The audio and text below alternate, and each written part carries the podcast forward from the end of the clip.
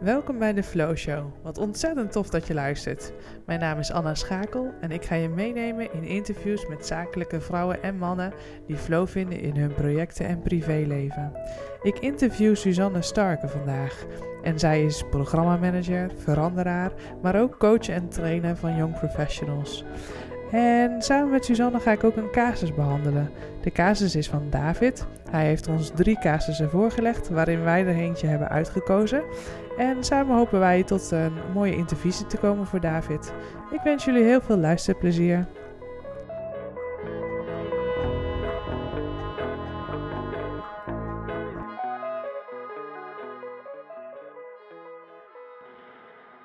Leuk dat ik hier mag zijn. ik zit in de keuken, ja, woonkeuken eigenlijk, hè? Dus, ja. Zitten jullie woonkeuken? Ja, nou, eh, annex vergaderzaal.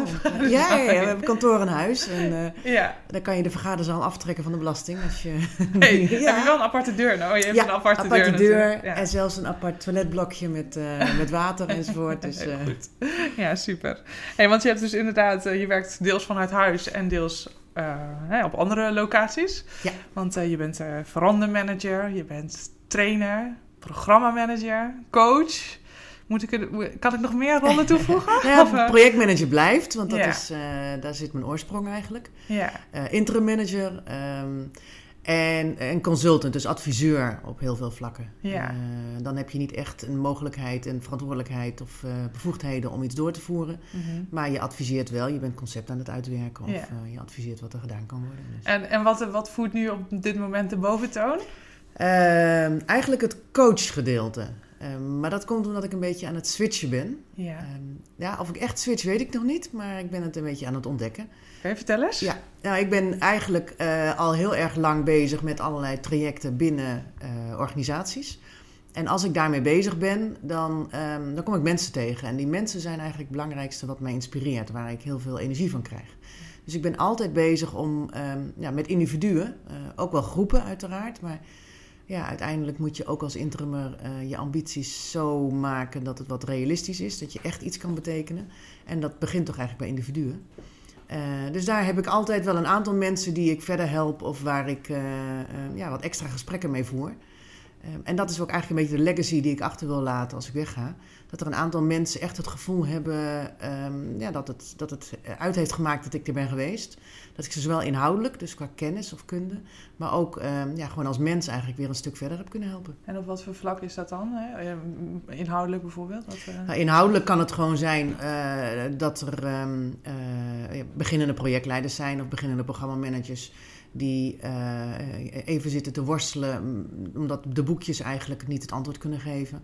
De praktijk is altijd wat weerbarstig.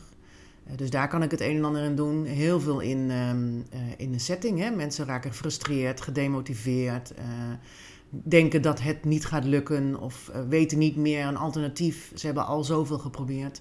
Dan kan ik met hun sparren over wat dan eventueel nog andere routes zouden kunnen zijn. Of wat binnen hun eigen palet past. Of dat ze het op een hele andere manier zouden kunnen organiseren. Heel veel mensen zeggen, ik heb het al tien keer geprobeerd en het wil maar niet. Nou, de elfde keer heeft dan ook echt geen zin. En dan is het heel erg leuk om te gaan eh, ja, exploreren. Wat zou dan een hele andere weg kunnen zijn? En misschien is dat wel een hele andere weg die jou ook heel veel inspiratie geeft. Ja. Nou, dat is dan een, eh, helemaal een dubbele. Ja, en je zegt je maakt nu die switch, hè? Van, van, van wat naar wat? wat is dan de switch? Ja, nou, ik, ben, ik blijf altijd eigenlijk veranderkundige programmamanager. Dat is waar ik nu aan ben beland. Dus als veranderopdracht strategische veranderingen doorgevoerd moeten worden in organisaties, dan geef ik daar graag leiding aan of heb daar een belangrijke rol in. Ehm, dus dat vind ik heel erg leuk om te doen. Maar ehm, ik merk dat als je een aantal dagen bij een organisatie binnen bent, dan ga je daar eh, ja, heel veel tijd en energie in steken. En eh, dat lukt het toch iets minder om met dat individu bezig te zijn. Dus doordat ik eh, twee jaar geleden begonnen ben om ehm, eh, als docent, coach wat meer te gaan doen, daar ben ik voor gevraagd om een, eh, een leertraject te begeleiden. En daar dus de individuen die dat leertraject doen, om die echt verder te helpen. Ben ik veel meer echt met de individuen bezig. En Ja. ja. dan, dan heb ik nu het idee, laat ik dan ook eens kijken of ik dat vanuit die kant eh, eh, echt als een propositie in de markt kan zetten. Ja. Ja, dus, eh, en zou dan de beweging ook zijn om dat dan volledig te gaan doen? Of denk je, ik blijf altijd... Nou, dus het, eh, het simpele eh, is er eigenlijk aan dat ik in gewoon Excel een beetje uitgerekend heb hoeveel coaches ik zou moeten hebben om een beetje omzet te draaien. Om brood op de plank te krijgen? ja, ja, en ja, dat is toch ook iets wat altijd nog wel meespeelt. Dus vandaar, ehm, eh, ja, toen kwam ik op zoveel coaches. Dat betekent dat je echt een praktijk moet hebben waarmee mensen elkaar afwisselen. En ja, ik noem maar iets, eh vier, vijf, zes gesprekken op een dag zou moeten hebben. Ja, Ik denk, nou, daar word ik niet helemaal gelukkig van, geloof Nee. ik. Dus dat gaat het niet worden. Eh, Er zit altijd een combinatie, maar dat heb ik eigenlijk altijd wel gehad. Tussen dat je aan de ene kant in de praktijk echt bezig bent. En dus ook uitgedaagd wordt voor van alles en nog wat. Ehm, en aan de andere kant mensen helpt die in die uitdaging zitten en, eh, en een stap verder willen. ja, Dus het wordt altijd wel een combinatie. ja. Want, wat is het, want zit je nu ook op, een- op dit moment in een programma of in een project? Eh, ik ben net klaar met een eh, groot programma eh, bij een verzekeraar. Oké. En ehm, eh, daar kwam ik binnen als een. eh, ze noemden het projectmanager, maar eigenlijk had ik geen enkele bevoegdheid. Ehm, eigenlijk ook geen verantwoordelijkheid. En waren Oh, de dat- meeste. Ja, Dat is wel lekker makkelijk. ja, maar ja, of toch niet? nou, het is wel misschien wel makkelijk, maar niet leuk. Nee, nee. Dus, maar zo komt het wel vaker voor dat je binnenkomt vanuit een bepaalde positie, omdat er nog een bepaalde onvolwassenheid is op hoe, die, hoe je dat soort dingen eigenlijk aanpakt. Ja.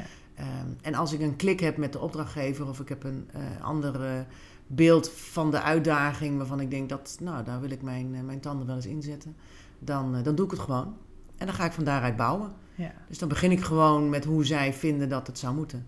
Ehm, en vervolgens ga ik dat uitbouwen of ombouwen. Of zoals ik hier eh, na eh, vier maanden gedaan heb, eh, het programma eigenlijk eventjes opnieuw geëvalueerd. Herijkt, zo is een mooie term daarvoor.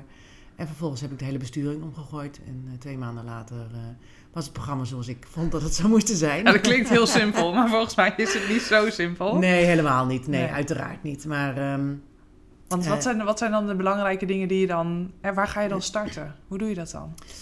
Eh, nou, in ieder geval begin je met dat je zelf een beeld hebt bij eh, waar zou het naartoe moeten. Wat mis je hier om daadwerkelijk de doelstellingen te kunnen halen? En hoe is het niveau van de organisatie of van de mensen ehm, om dat bespreekbaar te maken? Ehm, en dus als je voor jezelf daar een beetje een beeld bij hebt, dan moet je de route gaan kiezen hoe je dat voor elkaar gaat gaan krijgen. En als er een redelijk onvolwassen organisatie is op project- en programmamanagement, eh, bijvoorbeeld de lijn is nog heel sterk aanwezig. Die bepaalt eigenlijk alles en projecten bestaan eigenlijk niet. Projectleiders hebben nul eh, mogelijkheden om iets te doen. Ja. Je zal, overal moet je door middel van argumentatie en, en allerlei ehm, nou ja, praatwerk het voor elkaar proberen te krijgen. Ja, dan, dan zal je heel langzaam eigenlijk zaadjes moeten gaan planten bij allerlei mensen die dan het licht gaan zien en die dan samen met jou ehm, ja, alle mensen eh, verder gaan overtuigen dat het anders moet. Ja, en tegelijkertijd was er nog een originele opdracht. Ja. Hè? Hoe, hoe ga je daar dan mee Ja. om? Of hoe doe je dat dan? Stem je dat dan af? Nou, het, eh, de originele opdracht was niet zo heel erg concreet. Oh, Dus ja, het was wel concreet over drie jaar. ja, ja. Moesten we miljoenen eh, ingehaald hebben. Mhm. Dus dat is hartstikke mooi. Het rendement moest verbeterd worden. Eh, maar de routes waren niet vastgelegd. Hm. Er was ook geen programmaplan. Hm. Iedereen was gewoon begonnen. Op een marketing- en salesafdeling. Dus dan, nou, dan kan, kan je een beetje voorstellen hoe dat dan gaat. We hebben een idee en we vinden het allemaal geweldig. We hebben er energie van, dus eh, we gaan. Ehm, dus een paar powerpointjes en dat was het. Ehm, dus ja, dan begin je daar dan mee om te kijken wat is dan het doel precies en wat wil je daar dan in en hoe ziet het er dan uit en proberen dat wat te concretiseren. Dat was al een lastige. Ja. Ehm, want wat waren de eh, cijfers waarop gebaseerd werd dat er 9,5 miljoen gezegd werd? Ja, ja, dat was heel diffuus. Ehm, hoe, wanneer moest dat dan precies gehaald worden? Hoe komt het dan dat je verzint dat het over drie jaar zou moeten zijn? Wat is er dan over drie jaar? Ja, Hoe zit de link met de strategie? ja. Ehm, nou, al dat soort dingen. Nou, dat was eigenlijk onbespreekbaar. En als het onbespreekbaar is, dan ehm, is het door mij dus in te vullen. Ja, Want dan eh, weten men het eigenlijk niet. Tenminste, dat Nee. was mijn conclusie. ja. Dat er eigenlijk geen concrete beelden over waren. Dus elk concreet beeld dat er gecreëerd kon worden door mij, eh, was best welkom. Ja, Ook al waren die ze nu en dan wat confronterend. Bijvoorbeeld dat het op deze manier nooit zou gaan lukken. eh, was men er wel blij mee, omdat je daardoor in ieder geval iets in handen had om het, ja, om het dan maar te wijzigen. Eh, want het was wel nodig. Ja. De noodzaak was er wel. ja want dat is natuurlijk... je, je begint dan eigenlijk iets, iets parallels aan je programma. Ja. En ehm er kan natuurlijk ook heel veel weerstand opwekken bij mensen. Dat, dat, dat mensen denken van nou, wat is er nou aan het doen? Ze is helemaal niet bezig met, Ja. met het doel waar we mee bezig zijn. Ja. Hoe, hoe neem je die mensen dan mee? Eh, nou, ik blijf altijd wel met het doel bezig. Ja. Dus ik herhaal het, het algemene doel, 9,5 miljoen of drie jaar. Dat herhaal ik elke keer. ja. En als mensen eh, ideeën hebben hoe dat gehaald zou kunnen worden, eh, ben ik er altijd heel serieus mee bezig om dat te onderzoeken en te kijken of we dat in kunnen zetten. En aangezien dit een organisatie was waar ehm, eh, mensen heel pragmatisch ehm, op een goed idee al snel akkoord kregen, ehm, starten we ook regelmatig gewoon ideeën waarvan ik denk: dit gaat het niet worden, maar er zit wel energie. Ja. Dan starten we dat gewoon op en op basis van wat daar aan de gang is, probeer ik het dan om te buigen naar iets waarvan ik denk dat gaat wel ook wat duurzamer en op lange termijn eh, zaken opleveren. ja. Dus ja, vanuit energie werken is sowieso een hele belangrijke. Eh, energie creëren is heel lastig. Dus als er al energie zit, dan eh, ja, en van daaruit proberen iets meer te buigen naar links of rechts. Of door middel van resultaten eh, die je laat zien. En dan wordt het wel weer gewoon blauw en gewoon hard. ja. Ehm, een aantal dingen inzichtelijk maken. Ehm, altijd met opties hoe het dan eh, beter kan en hoe het anders kan. Ehm, ja, dan, dan lukt het wel om het om te buigen. Ja. En de weerstand, ja, die, die maakt bespreekbaar. Ik snap het. Ik snap 9 van de 10 keer, misschien wel 19 van de 20 keer, snap ik waarom iemand weerstand heeft. Ehm, en dus neem ik dat ook heel serieus. Want ook weerstand is energie. Mhm. Eh, dus op het moment dat die weerstand dan ergens aanwezig is en ik kan achterhalen waardoor dat komt en ik kan kijken wat er nodig is om eh, werkend met die weerstand dan ja, bepaalde dingen toch voor elkaar te gaan krijgen, eh, ja, dan, eh, dan vind ik dat leuk om te doen. Dan Ja. ga ik erop af. Ja. Ja. Dus je zet heel erg in op die energie. Ja. En tegelijkertijd ben je dus eh, al met veranderen bezig, Ja. naast dat je met programmamanagement of projectmanagement bezig bent. Ja. Waar, hè, hoe zet je, ehm, hoe vult het een, eh, hoe bekrachtigt het het een het ander? Hè? Dus, snap Ja, je mijn verander- vraag? Ik ja, weet niet of- ja. Veranderen om het veranderen, dat, dat gaat natuurlijk niet lukken. Nee. En op het moment dat je ergens bent, dan zie je zelf, hè, omdat je zoveel al gezien hebt, zie je snel wat er verbeterd zou kunnen worden, wat er veranderd zou kunnen worden. Of er zijn al veranderambities. Ehm alleen de routes, dat is, dat is vaak nog een hele ingewikkelde. Wat moet men dan doen? Hoe, hoe pak je dat dan aan? En ehm, waar staan we dan over een jaar? Eh, eigenlijk kan je dat tegenwoordig niet meer zeggen waar je over een jaar staat. Dat is gewoon al te ver weg. gaat te snel. Ja. De ontwikkelingen zijn te snel. De ontwikkelingen Dat, eh, zijn te snel, klopt. Eh, de omgeving verandert continu. Eh, je eigen organisatie verandert continu. Eh, eh, strategieën bedenken voor over 10, 15 jaar heeft echt gewoon geen zin meer. Dus, ehm, dus ja, alles is veel korter. Een, een nieuwe CEO en, en de boel gaat ondersteboven. Dus ja, eh, ehm, probeer lijnen uit te zetten. ehm, wel met, met plateauplanningen voor meer jaren. En dat zijn dan de richtingen. Die richtingen houden we vast. En op het moment dat we substantieel zien dat die richting niet meer werkt, dan maken we hem bespreekbaar. Maar als het allemaal nog een beetje valt binnen die richting, dan, eh, dan zorgen we dat we gewoon door blijven gaan. Maar op details blijven we ja, continu wijzigen. Ja, Elke keer nieuwe initiatieven eh, starten, andere initiatieven weer stoppen. Ook een hele belangrijke, niet te veel tegelijk. ja, En wel de focus houden. Dus ja, ik ben continu aan het communiceren over dat alles wat we doen nog steeds past in waar we uiteindelijk naartoe willen. ja, ja. Ja, en dat is dus op verandervlak en op programmavlak. Ja. Dat is op beide vlakken eigenlijk. Ja. Voelt het elkaar heel goed aan. Ja. In die Ja. zin. Nou ja, programmamanagement is, is sowieso natuurlijk een duurzame verandering, een strategische verandering doorvoeren. Dus dat, het is eigenlijk al meer jaren. Ja, Ehm, een echte strategische verandering die, die is altijd op meerdere niveaus, meerdere vlakken. Dus je raakt altijd een stuk organisatie, een stuk processen, eh, een stuk strategie, een stuk eh, gewoon hoe een, eh, een afdeling in elkaar zit. IT, ehm, eh, de mensen, je raakt eigenlijk communicatie, marketing. Eigenlijk raak je alles. En eh, zeker als, ehm, ja, als je het idee hebt dat dat dan duurzaam verbeterd zou kunnen worden, ja, dan, dan combineer ik. Hè. Een, voorbeeld is bijvoorbeeld dat wij ehm, ehm, producten die klanten hadden eh, om wilden zetten naar een nieuw product. Mhm. Dus dat is eigenlijk een soort verplichte conversie, zoals dat zo mooi heet. Ja. Nou, dus mensen die gaan geconfronteerd worden met dat hun oude product niet meer bestaat en dat we, een, eh, dat we zeggen we hebben een heel nieuw product voor je. Ehm, dat moet je nog even uitleggen. Dat is wel communicatief een uitdaging. ja, Ehm, en vervolgens is communicatie als onderdeel over drie afdelingen verspreid. En die drie afdelingen die praten niet met elkaar, want die Hm. zitten onder hele andere kolommen.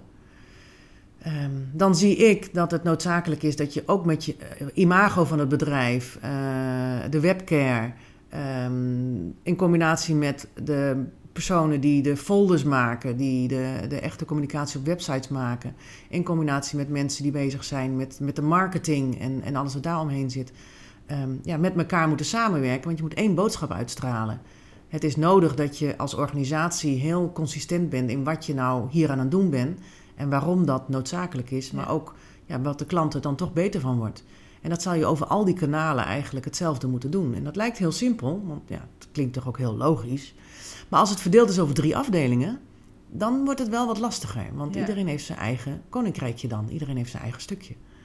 Nou, als ik het dan voor elkaar krijg om die drie partijen aan één tafel te krijgen, dat ze doorhebben dat ze een gemeenschappelijk doel hebben en dat iedereen een duidelijke taak heeft in dat doel en dat we gedurende het programma um, op die manier uh, de zaak organiseren, dus dan zet ik ze echt regelmatig bij elkaar, krijgen ze de behoefte om eigenlijk dichter tegen elkaar aan te kruipen en met andere onderwerpen ook elkaar op te gaan zoeken. Ja. Um, en dan heb ik een goed gevoel, want dan denk ik, dan ben ik duurzaam iets aan het verbeteren. Um, misschien dat ze ooit eens echt als afdelingen bij elkaar gaan zitten onder één uh, noemer. Ja, onder één vlag, ja. Maar dat is best wel een grote. Uh, als er gewoon een behoefte ontstaat bij de partijen om elkaar vaker op te zoeken en daar dan uh, ja, informatie uit te wisselen, proactief, dan, ehm, ja, dan, dan is het mooi. Dan, dan, word ik daar blij van. En dan moet ik wel wat PR doen om duidelijk te maken. Dus ik had bijvoorbeeld een Raki gemaakt. Ja. En, uh, dat Even voor de duidelijkheid, misschien zijn er projectmanagers die dat niet, niet, niet kennen, leg het Vooral even, googelen. Ja. Vooral even googelen. Maar je hebt gewoon in één, één Excel, één blaadje eigenlijk, heb je heel duidelijk wie is nou ergens verantwoordelijk voor.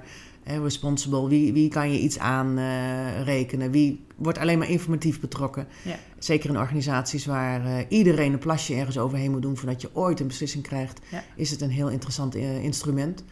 Um, om uit te zoeken wie nou daadwerkelijk de beslissing mag nemen. En wie alleen maar informatief ja, zijn mening wel mag geven, maar waar gewoon echt van afgeweken mag worden. Ja. Dus dat werkt een heel stuk prettiger. Dus dat heb ik hier ook gedaan met die drie afdelingen. En dan heb je nog wat los zand wat daar omheen zit. En in één keer hoor ik het woord Raki bij andere programma's en andere projecten ook weer terugkomen. Ja, en dan denk ik, oh, dat is wel cool. Ja, ja. Want het is echt een instrument wat al jaren bestaat, echt niet te filmen. Het, je kan het, hè, je hebt ook Raski en nou ja, allemaal andere afkortingen. Enorm veel varianten. Uh, maar ja, hou het simpel en, uh, uh, en werkbaar, zeker als het nieuw is. Ehm, dus ik heb ook echt flink wat moeten strepen erin. Het blijft uiteindelijk nog een, een stevig overzicht. Maar um, nou, we hebben gedurende het programma daarna hebben we er nog drie keer naar terug moeten wijzen. Hé, hey, maar dit hebben we afgesproken. Weet je nog dat jij, weet je nog dat jij. Um, en dat, nou, bijvoorbeeld eigenaarschap. Ja. Jij bent daarvan. En daar hebben we niks over gehoord. Dus jij had proactief naar ons toe moeten komen. Ja. Uh, dus zo, zo, help je gewoon bepaalde processen te verbeteren tussen mensen. En uh, ja, gewoon uh, uiteindelijk de resultaten te halen. Ja, want dat creëert natuurlijk ook een hele andere cultuur tegelijkertijd. Als je dat ja. soort dingen duidelijk maakt. Ja, als je weet van uh, we mogen elkaar aanspreken op jouw verantwoordelijkheden of jouw uh, ja. verwachtingen van wat je zou opleveren. Ja. Dan wordt dat gesprek natuurlijk ook vele malen makkelijker. Ja, dat klopt, dat klopt. En er was wel een, een directie die aanspreken of niet deed, of vol eroverheen. En ja, beide heeft tot gevolg dat men eigenlijk met elkaar niet echt gaat praten en eigenaarschap niet helemaal serieus neemt. Omdat er altijd de mogelijkheid is om eromheen te draaien.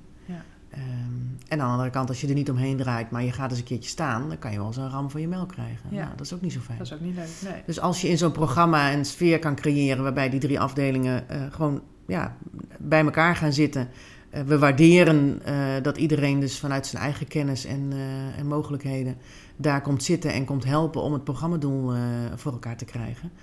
dus wel vanuit waarderend en, en aanspreken ook vanuit, hé hey joh, dit, oh, we hadden gedacht dat jij dat ging doen. Dat stond hier zoals het wel bedoeld. En dit hebben we nu gemist. En dat is zo jammer dat we dit gemist hebben. Hoe kunnen we voorkomen dat dat weer gebeurt? Ja. Dus een klein beetje mensen een schuldgevoel geven. Um, maar alleen maar als motivatie om daarna eigenlijk wel uh, ja, binnen te leveren. De, binnen de veiligheid die er wel ontstaan is ja. natuurlijk. Ja. ja, want ik had als programmamanager geen uh, uh, bevoegdheden om iemand daadwerkelijk aan te spreken. Dus ik doe dat gewoon puur op mijn argumentatie. Ja.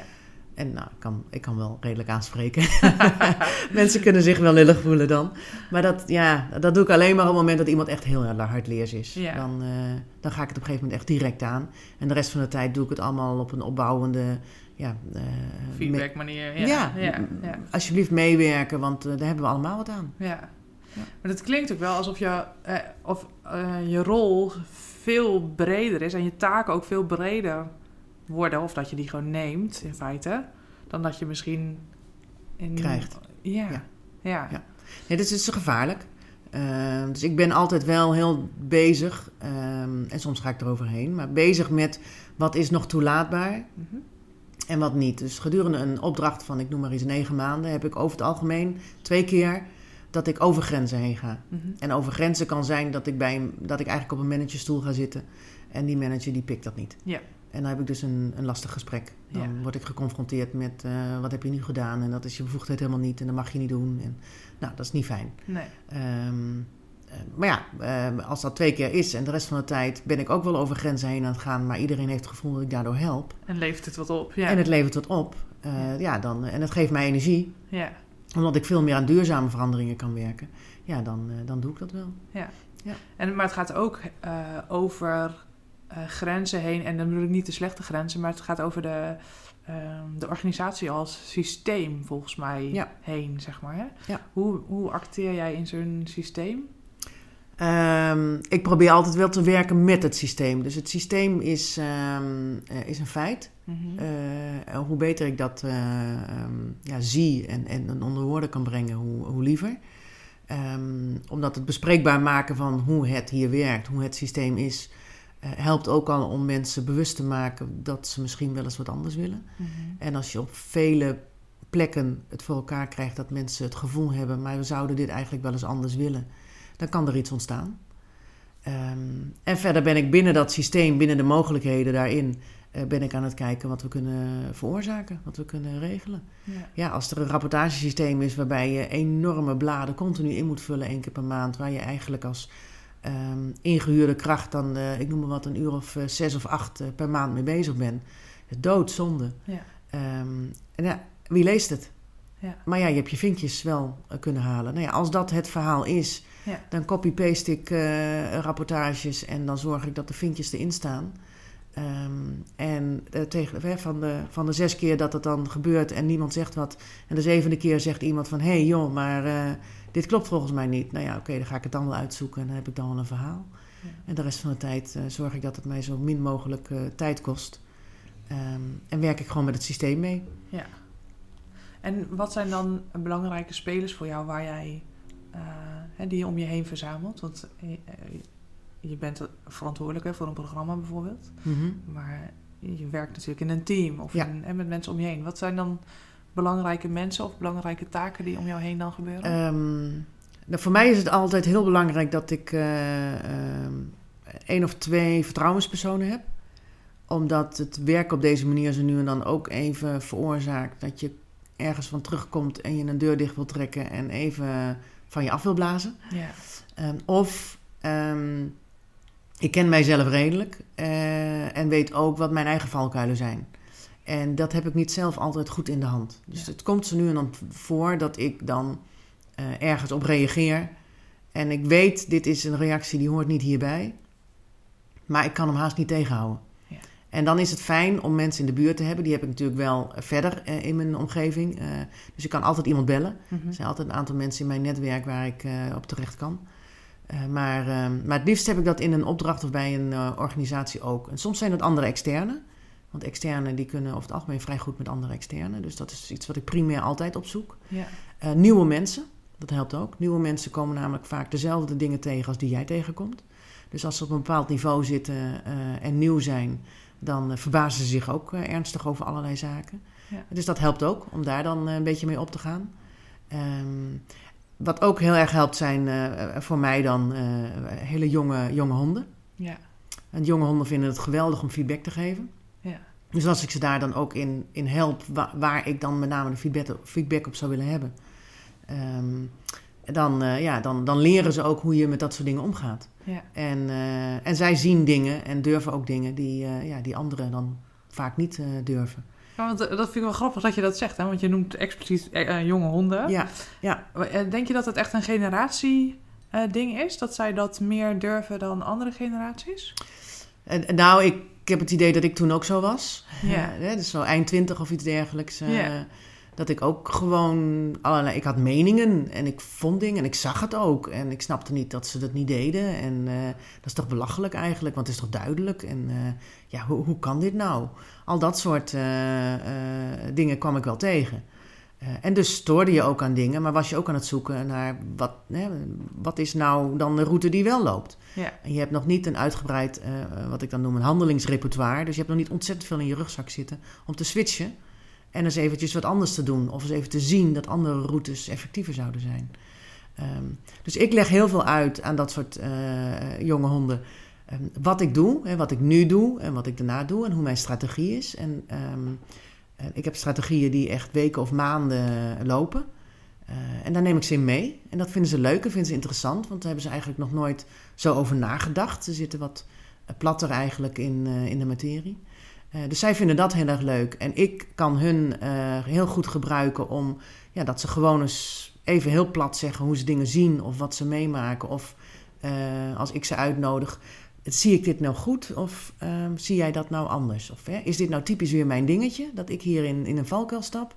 Of is het echt zo? Ja. Zo'n zo'n vraagstelling waar ik soms dan even over twijfel, waar ik dan even iemand anders voor nodig heb die mij dat dan terug kan geven. Ja, dat kan zo'n ja, zo'n andere generatie kan dat gewoon heel goed. Die zijn ook nog niet helemaal uh, door die hele organisatie uh, besmet, ja, besmet eigenlijk. Ja, ja, die hebben nog veel meer vanuit zichzelf of vanuit hun studie of vanuit ervaring in privé. Ja. En, uh, en dat helpt. Ja. ja. En je had het net over die strategie, hè? Van je bepaalt voor langere tijd een strategie. Ja. Um, hoe, hoe doe je dat dan, zo'n strategie bepalen? Um, nou, de route is heel veel zaadjes planten en water geven, water geven, water geven om uiteindelijk iets uh, te laten groeien. Ja. Um, soms zit er een bepaalde deadline dat ik denk, nou dan zou het eigenlijk goed, hè, over drie maanden zou het eigenlijk goed zijn dat. Um, en dan ben ik bezig met, oké, wat, wat zou ik dan moeten doen? Waar moet ik dan beginnen om zaadjes te planten? Ja, maar ik bedoel ook met name, hoe bepaal je wat jouw strategie wordt, zeg maar? Ja.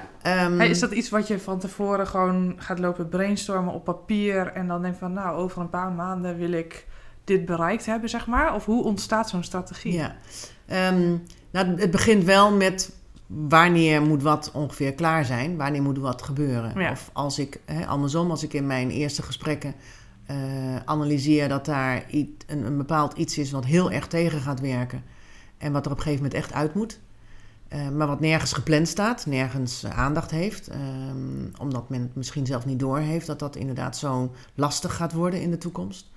Dan, um, dan wordt dat dus een, een, een nevenroute voor mij om, um, ja, om op een bepaald moment uh, dat, dat bespreekbaar en weggewerkt te hebben. Ja.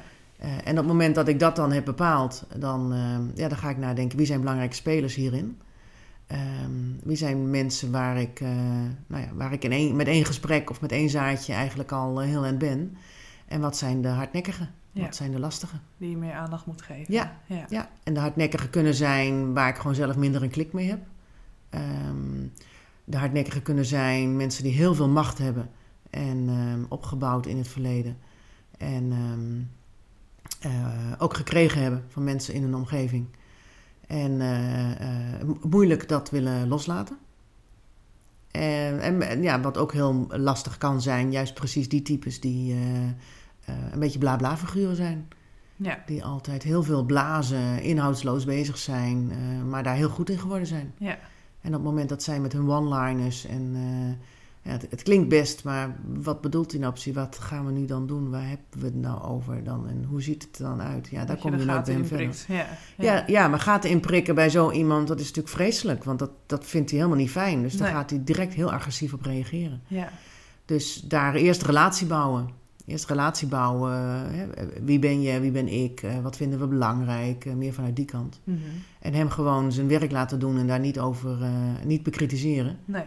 Uh, en, dan, en dan beginnen daarna, nadat de relatie een beetje gebouwd is, met langzaam eens wat vraagjes stellen. Ja. Kleine verdiepingsvraagjes. En niet gelijk al de diepte in, want dat, uh, dat is nog too much. Ja. En dat kan die persoon waarschijnlijk ook helemaal niet, omdat hij die Nee. Ja, als het alleen maar op bla bla niveau zit, dan, snap, dan kan hij de inhoud niet in. Nee, maar hij, hij kan op een gegeven moment wel komen op het niveau dat hij denkt: hé, hey, hier, hier moet wel meer inhoud bij. Ik snap dat het nodig is. Ehm, nou, zal nooit toegeven dat hij daar zelf dat het ook niet Nee. kan. Maar staat wel open voor als ik bijvoorbeeld een meeting wil organiseren met meerdere mensen waar hij bij is, waar die inhoud dan wel besproken gaat worden. Ja, En dan kan hij daar doen alsof hij er wel wat van af weet. precies. Maar ondertussen is de rest van, eh, van de mensen zijn er echt mee bezig. Ja. En kan hij de informatie opnemen die... Ja, daar leert hij ook weer van. Dan kan Ja. hij daarna wel weer gebruiken. Ja. Eh, of ik organiseer dat soort meetings met zijn goedkeuring zelf. Ja, Maak er één A4'tje van. En dat kan hij vervolgens weer gebruiken. ja, Nou, dat is een soort win-win. Dus ik, kan, ik laat hem op zich wel in zijn waarde. Maar hij moet wel een beetje meebuigen. En mij even wat ruimte geven. ja. Dus daar ben ik naartoe aan het werken om dat voor elkaar te krijgen. En dan, eh, dan neem ik hem mee. En soms lukt het niet. Nee. Ja, analyseer jij veel van dat soort hè, types, zeg maar? Of de karaktereigenschappen van mensen, hoe neem je dat mee? Want Ja. ik hoor je nou zeggen van, nou ja, als ik zo'n bla bla tegenover me krijg, dan is mijn strategie eigenlijk, Ja. ik, ik ga eerst eh, een relatie opbouwen en dan ga ik, nou, je echt een, heel, een aantal stappen neem je. Ja. Doe je dat ook met andere Ja. persoonlijkheden? Eh, alle belangrijke stakeholders. Ja, oké. Ja, alle belangrijke stakeholders of alle belangrijke teamleden. Mhm.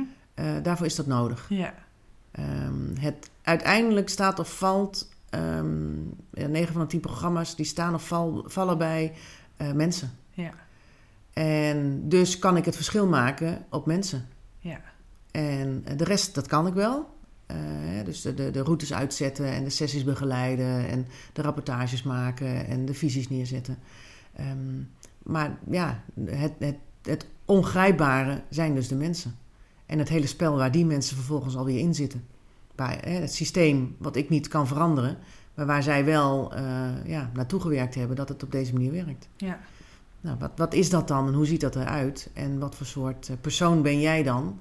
En in hoeverre ben jij te prikkelen Ja. om, om daar eens iets in te doen? Ja, je, dus je, dus je, je zet het echt af tegen welk resultaat moet je halen. En Ja. hoe gaat die persoon daar naartoe bewegen? Ja. Of niet? Of, hè, dat, ja. Ja, of, of wat heb ik van hem nodig? Wat zou heel, heel positief werken als hij daar eh, iets in zou eh, gaan betekenen? ja, En als dat zo is, hè, bijvoorbeeld iemand die eh, alles weet van alle producten en dat is echt een hele specialist en die werkt er ook al 30 jaar en die, nou ja, dat zijn van die mensen die hebben een bepaalde macht op basis van hun anciëniteit. ja, Ehm, het zijn over het algemeen niet de meest eh, goede communicatieve mensen, nee, eh, maar weten echt heel erg veel. Ehm, het staat alleen nergens. nee. Het zit alleen maar in hun hoofd. Hoofd, eh, ja, zeker. Ja. Dus op dat moment zegt iedereen altijd direct: die moet bij jouw team, want je kan niet zonder. En het langzaam bespreekbaar maken, zowel met die persoon als met mensen om hem heen of zijn baas, dat het toch eigenlijk niet kan dat we afhankelijk zijn van iemands hoofd. ja, En, eh, en hoe we dat op de een of andere manier eh, ja, een beetje kunnen vergemakkelijken of kunnen verbeteren. Of, want zo'n persoon is over het algemeen super druk, ja, eh, nergens voor bereikbaar. nee, Ehm, ja, wil ook eigenlijk op die manier elke keer Tuurlijk. benaderd worden. ja, Maar komt ook wel in de knoei, want Ja. hij kan niet leveren. ja, En ja, tegenwoordig moeten we wel leveren. ja, Zoals jij zegt dat over een week klaar is, moet over een week ook wel klaar.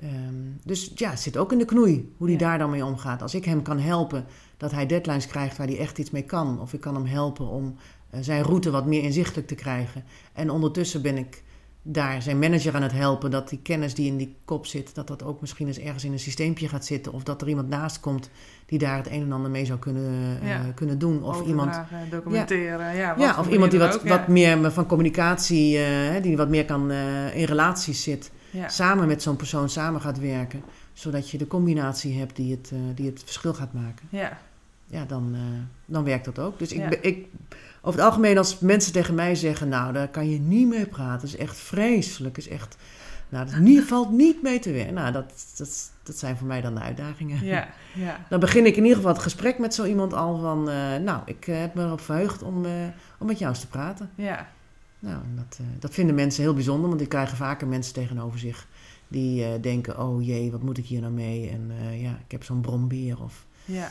Ik ben geïnteresseerd. Ik, ik wil het wel weten. Ook waarom ze vinden dat het belachelijk loopt. Of waarom de hele organisatie shit is. Of ja, waarom hun manager belachelijk is. Of niet in staat is om. Of er niks van snapt. Of de directie er niks van snapt.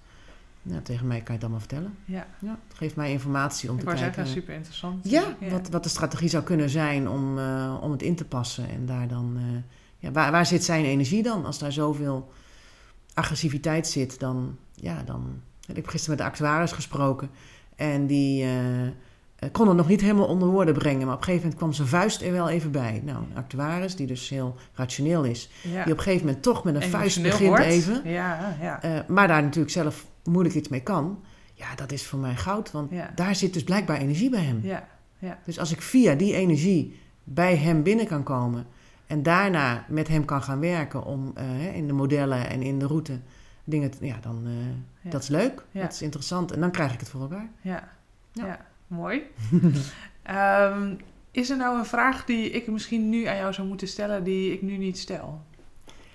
Nou, wat ik wel ehm, merk is dat vanuit de boekjes en de beginnende projectleiders, ehm, eh, ja, we hebben allemaal geleerd, althans misschien voor een heleboel nog net, maar voor mij is dat lang geleden, dat je begint met hè, baken je opdracht heel snel af en eh, zorg dat, dat je heel duidelijk hebt waar je op afgerekend wordt. En ehm, eh, zodra er verstoringen zijn in de omgeving en dat heeft invloed op jouw resultaat of in de randvoorwaarden die je gesteld hebt, dan moet je dat direct bespreekbaar maken. Dan moet je weer opnieuw eh, Prins 2-achtige rapto- rapportages van maken enzovoort. Dat systeem is in principe oké, dus dat, dat werkt ook wel. Maar als je hem zelf heel rigide gaat toepassen, dan eh, kan je in de tegenwoordige tijd eigenlijk niet meer verder, kan je niet meer leven. En wat is er dan wel nodig? Eh, het is nodig dat je zelf eh, ehm, wendbaar bent, zoals dat een modern woord is. Ja.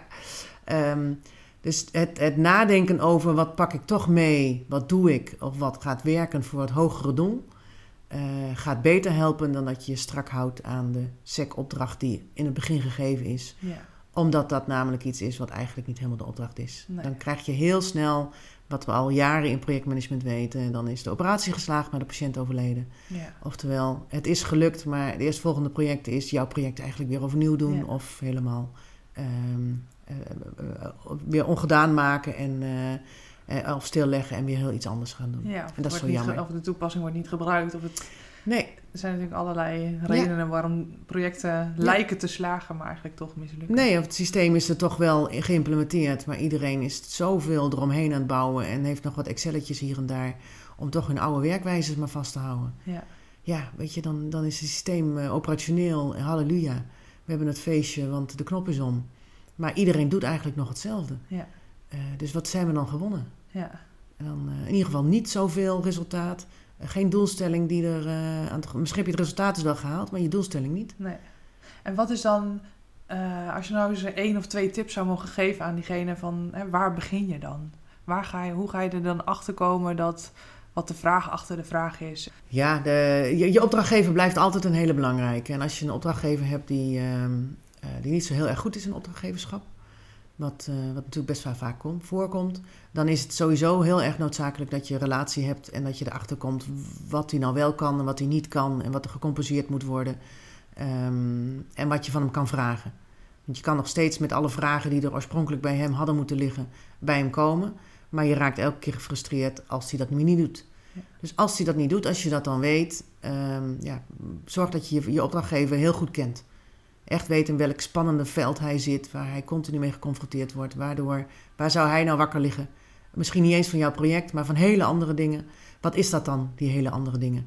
Want dat zijn dingen waar hij dan blijkbaar wel eh, heel veel met zijn hoofd eh, en zijn hart bij zit. Ja, Eh, hoe zou je dat misschien kunnen linken aan jouw project? Ja. Hoe zou je daar op de een of andere manier een, iets, iets van kunnen verzinnen? Ja.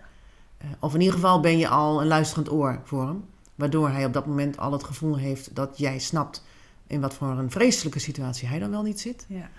Eh, waardoor jij weer eh, een paar vragen kan stellen en ja, weer wat dingen krijgt. krijgt. Ja, om, eh, Het is ja. een beetje onderhandelen. Ja, ja, Dus je opdrachtgever is daarin altijd echt heel erg belangrijk. Ehm, waarbij het natuurlijk enorm werkt als je een goede, ehm, een goede klik hebt. Dus bij intakes en dergelijke is het wel heel erg belangrijk om een goede klik te krijgen. Ehm, als die er niet is, dan moet het in ieder geval met, eh, met een resource manager of met een manager IT of met een, nou, Ja, in ieder geval een hele belangrijke speler. Ja, Die ja. voor jou dan wel eh, bijvoorbeeld eh, als een soort plaatsvervangende opdrachtgever kan fungeren. Ja. Waar je vragen neer kan leggen die bij jou, voor jou te groot zijn. Ja. Ehm, en dan kan die misschien met je opdrachtgever gaan dealen. Of die kan zeggen, doe maar gewoon, eh, ik neem de verantwoordelijkheid wel. Nou, mooie tip. Ja. Ik wil daarmee ook dit wel een stukje afsluiten. Ja, En ik wil jou een, een vragenvuur voorleggen. oké. om jou wat beter te leren kennen. Oké. Ehm, en, maar ook wel eh, projectgerelateerd deels. Wat is nou het best besteden uur wat jij in een programma of aan een project besteedt? Ehm, het best besteden uur is mijn, ehm, mijn derde plek, noem ik dat. Eh, mijn derde plek is, is dat uurtje in de eh, week of twee weken... dat ik eigenlijk alleen maar ga zitten en voor me uit ga staren. Oké, En ga nadenken, wat is hier nu gebeurd? Wat is er nu aan de hand? ja. Ben ik nou op de goede weg? Doe ik nou de goede dingen? Ehm, die reflectie die is zo ontzettend belangrijk. Ja, Dus elke keer als ik te veel achter mezelf aanloop, te druk ben met van alles en nog wat, dan mis ik mijn derde plek even. ja, En dat kan zijn even in het bos wandelen en eh, eh, dingen tot je laten komen. Of gewoon even eh, een papier pakken en eens wat dingen gaan uittekenen. ja, Iedereen heeft daar ook zijn eigen methodes voor. ja, Maar iemand die een, een flinke uitdaging heeft en geen derde plek heeft. Hè, de, de eerste plek is eigenlijk je thuis, je tweede plek is je werk. Je derde plek is dus echt voor jezelf. ja. Als, de, de- iemand die de derde plek niet heeft, Mhm. ehm, die redt dat niet. Nee, Die laat zich dus leven. Ja. Die laat zich elke dag maar weer door de agenda eh, Ja. beheersen. Ja. En eh, doet ongetwijfeld heel veel goede dingen, maar heeft altijd het gevoel aan het eind van de dag dat het niet genoeg was. ja, Dat het meer had gekund. Dat er nog zo ontzettend veel op het lijstje staat. Want het is altijd zo. Het lijstje is nooit leeg. Nee. Never. Nee, En zeker niet mensen die altijd gefocust zijn op die dingen die nog niet goed gaan. ja, Want dat is onze focus eigenlijk. ja, Dus wat, wat dat, in die derde plek kijk ik echt naar wat heb ik nu eigenlijk gedaan en hoe ver zijn we nu? En wordt het niet eens tijd om eigenlijk, eh, als ik drie maanden terugkijk en waar we nu zitten, eens even eh, heel veel mensen te injecteren met moet je eens kijken hoe ver we eigenlijk al zijn. Kijken wat we eigenlijk gerealiseerd hadden. ja. Hadden we drie maanden geleden ook niet verwacht. Nee, Of moet je kijken wat voor een vreselijke dingen we allemaal tegengekomen zijn. En toch hebben we dit voor elkaar. Nou, dat is typisch zoiets die ik pas tegenkom als ik even in mijn derde plek ga zitten. ja. Ja. En dan, dan betrek je het heel erg op jezelf, hè? Ja, mijn eigen reflectie. Ja. En hoe zit het dan met de reflectie naar het team? Hè? Want je zegt al even, hoe, hoe pak je daar je momenten voor? Ehm, nou, eigenlijk probeer ik altijd wel in de, hè, in de wekelijkse of de tweewekelijkse vergaderingen ehm, even of te starten. Hè, want mensen komen vaak vliegend binnen of net te laat of wat dan ook. Dus even te starten met jongens, hoe zitten we erbij? En eh, nou ja, wat, wat moet echt even uit je kop voordat je over iets anders na kan denken? Ehm, nou, en dan heb je het eigenlijk gewoon even een soort, soort benen op tafel. eh, eh, hè, soms is het minuutjes en soms is het echt een kwartier. Ja, maar dan ja, moeten we even kwijt. ja, En, eh, en dat zijn ook van die reflectiemomenten waarbij je denkt van... oh jee, maar dit is de derde die nou achter elkaar echt loopt te stressen en, en te doen. En nou ja, dat, hier moeten we dat iets is echt wel structureels feedback mee. die, eh, Ja. ja. die je gelijk weer eh, omzet. Ja. Ja. ja. Mooi. Ja. En ehm, waar geloof jij in wat anderen gek vinden? Ik geloof in, eh, als je dan in de project- en programmamanagementwereld eh kijkt... ik geloof in, eh, in gewoon doen, Mhm. durven.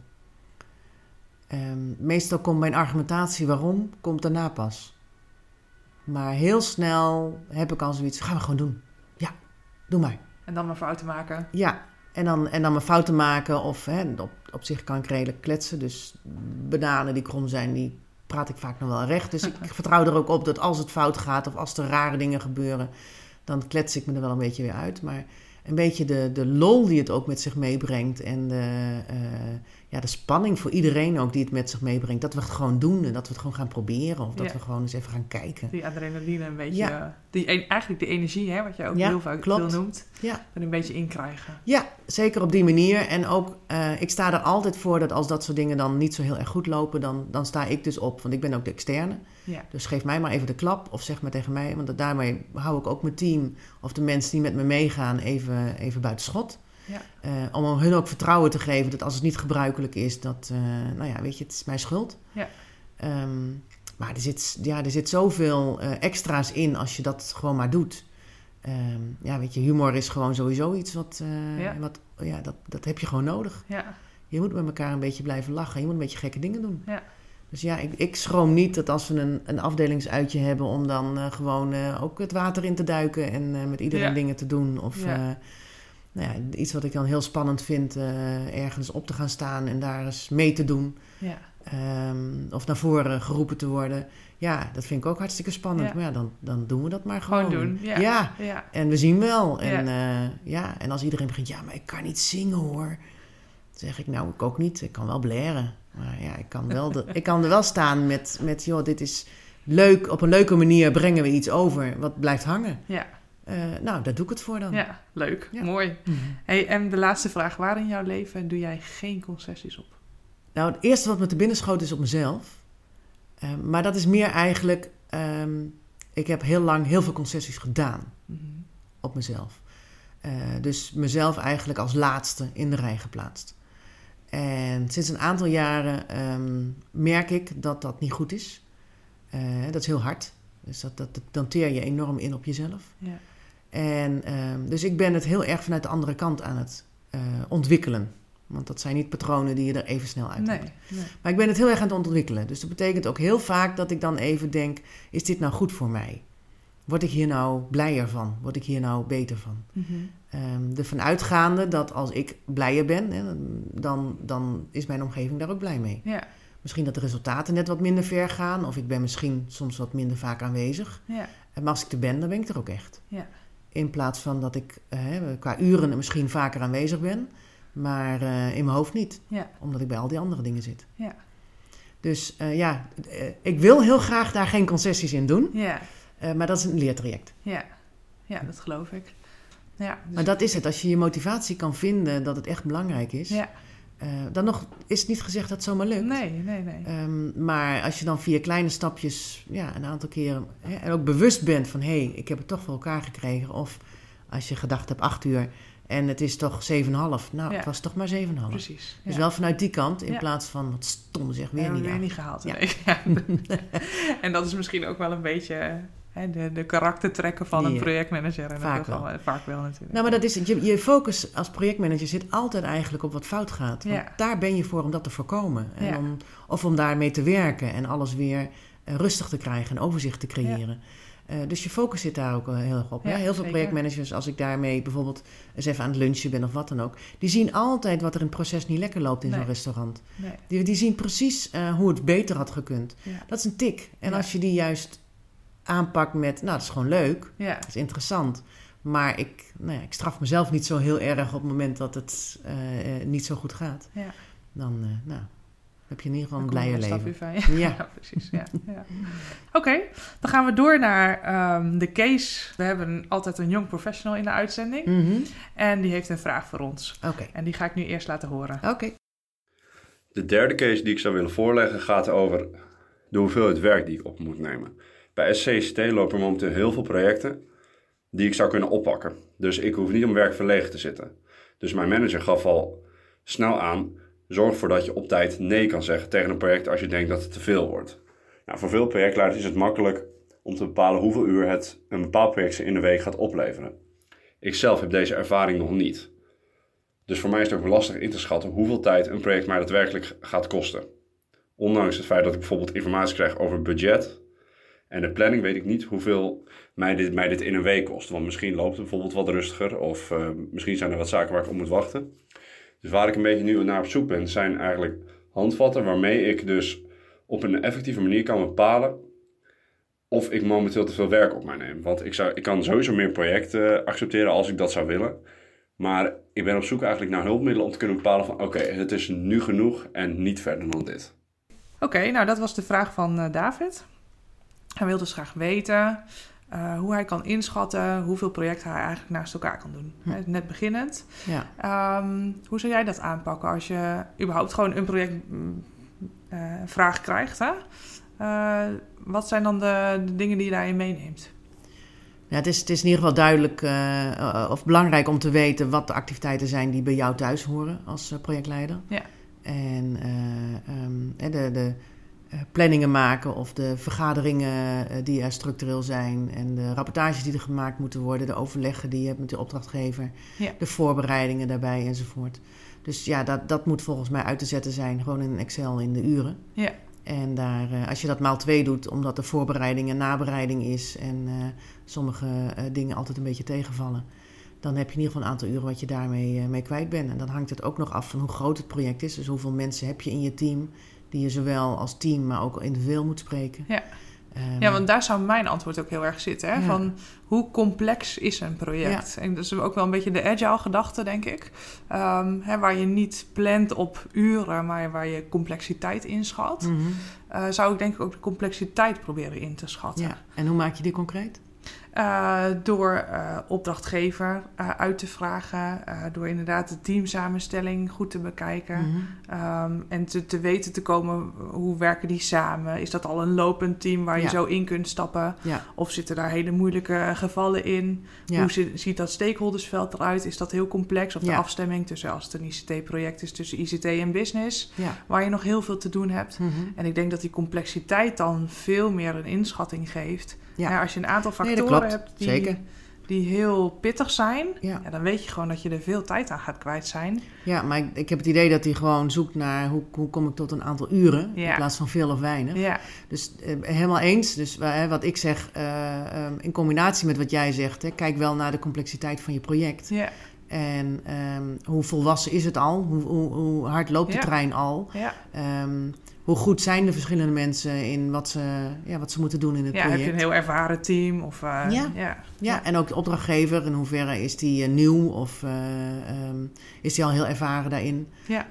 hoeveel stakeholders heb je eigenlijk te managen? Ja, Want zeker. elke stakeholder die jij in je stakeholderanalyse neerzet, moet je managen. Ja.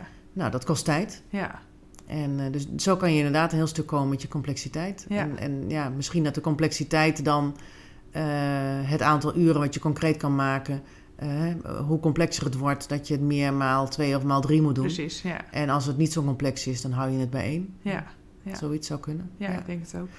Um, maar een hele belangrijke is eigenlijk gewoon een hele ervaren projectleider in dat bedrijf navragen. Hoe zit dat? Zeker. Hoe zit dat? Want die heeft daar gevoel bij. Ja. Die heeft dat soort dingen in dat bedrijf, dus ook in die context ja. al vaker gedaan. Om eigenlijk je referentiekader ook te krijgen. Ja. Want die heeft echt kengetallen voor zichzelf, die daar ter plekke, dus in die omstandigheden ook kloppen. Ja. Um, want ze zijn er niet in het algemeen. Want de omstandigheden, hè, de complexiteit wat jij uh, bedoelt, uh, maar ook wat is je, je doelstelling precies en uh, hoe, hoe, staat je tijd onder druk? Ja. Wat, wat, zijn je deadlines en hoe realistisch zijn die? Hoeveel speling zit daarin? Ja, ja dat is allemaal noodzakelijk ja, om te weten. Hoeveel, ja. en met name en niet eens zozeer tijd, maar energie je eraan kwijt bent. En, ja. ja. En kan je soms misschien twee of drie projecten een beetje samen op laten gaan. Of, ja. uh, ik, heb, ik heb twee projecten op een gegeven moment geleid... waarbij de ene echt agile was en de ander uh, heel erg traditioneel. Ja. Nou, dat zijn twee totaal verschillende aanpakken. Ja. Dat betekende voor mij ook switchmomenten. Ja. En dat kost dus gewoon tijd. Dat kost heel veel, hè? Ja. Er is ook wetenschappelijk onderzoek naar gedaan. Hè? Hoeveel je dus elke keer dat je van taak wisselt... kost het je 20% ja. van de taak waar je mee bezig bent. Wat dus, dus betekent dat je eigenlijk al 20% erbovenop moet gaan weg, tellen. kwijt bent, ja. ja. Dus daar moet je ook echt rekening mee houden. Ja. Nou, ik hoop dat we op deze manier ja. David een beetje een indicatie hebben gekeken, gegeven waar wij in ieder geval. Ja, dan ga je in ieder geval gewoon naar een hele ervaren projectleider bij je in de buurt. Want die, die kan je zeker helpen door een aantal dingen uit te schrijven. Zeker. Ja, ja. oké. Okay. Dan zijn we aangekomen aan um, hè, hoe ze jou kunnen bereiken. Want er zijn misschien best wel mensen die naar aanleiding van deze aflevering denken... nou, die Suzanne die wil ik wel eens een keer of spreken... of ik zou toch wel geïnteresseerd zijn om in coaching of uh, ja. Misschien is er wel een organisatie die zegt van... nou, zo'n verandermanager, die moet ik hebben. Ja. Waar kunnen ze jou vinden? Uh, LinkedIn is eigenlijk gewoon het, uh, het meest interessant. Die hou ik gewoon echt bij. ik heb in het verleden een website gehad en die heb ik jarenlang onderhouden. En er zijn zo weinig mensen inmiddels die daar naartoe komen bij ja. mij. en op LinkedIn staat eigenlijk het belangrijkste. Ja. Dus uh, gewoon Suzanne Starken op LinkedIn. En dan, uh, daar vind je mijn telefoonnummer, uh, daar vind je mijn e-mailadres, alles. Ja, we zullen de link ook opnemen in de ah, show notes. Dus nou, dan kunnen ze zo doorklikken. Helemaal goed. Dan wil ik je hartelijk danken, Suzanne, Graag voor dit gesprek. En ik vond het hartstikke leuk om jou te spreken. ja, ik ook. Ik vond het leuk om te doen. Dankjewel voor het luisteren. Ben je nou ook enthousiast en geïnspireerd geraakt door het interview met Suzanne? Of denk je van nou, die casus die gaat mij ook helpen in mijn projecten? Deel dit dan gerust via de sociale kanalen en laat vooral een review achter op iTunes. Dit helpt andere professionals deze show beter te vinden, waardoor ook zij tips en tricks mee kunnen pikken uit deze podcast. Wil je nu meer weten over hoe ik je verder kan helpen in jouw projecten? Neem dan vooral een kijkje op flowinjeprojecten.nl. En vergeet niet om in beweging te blijven. Flow in je projecten komt immers altijd voort uit actie.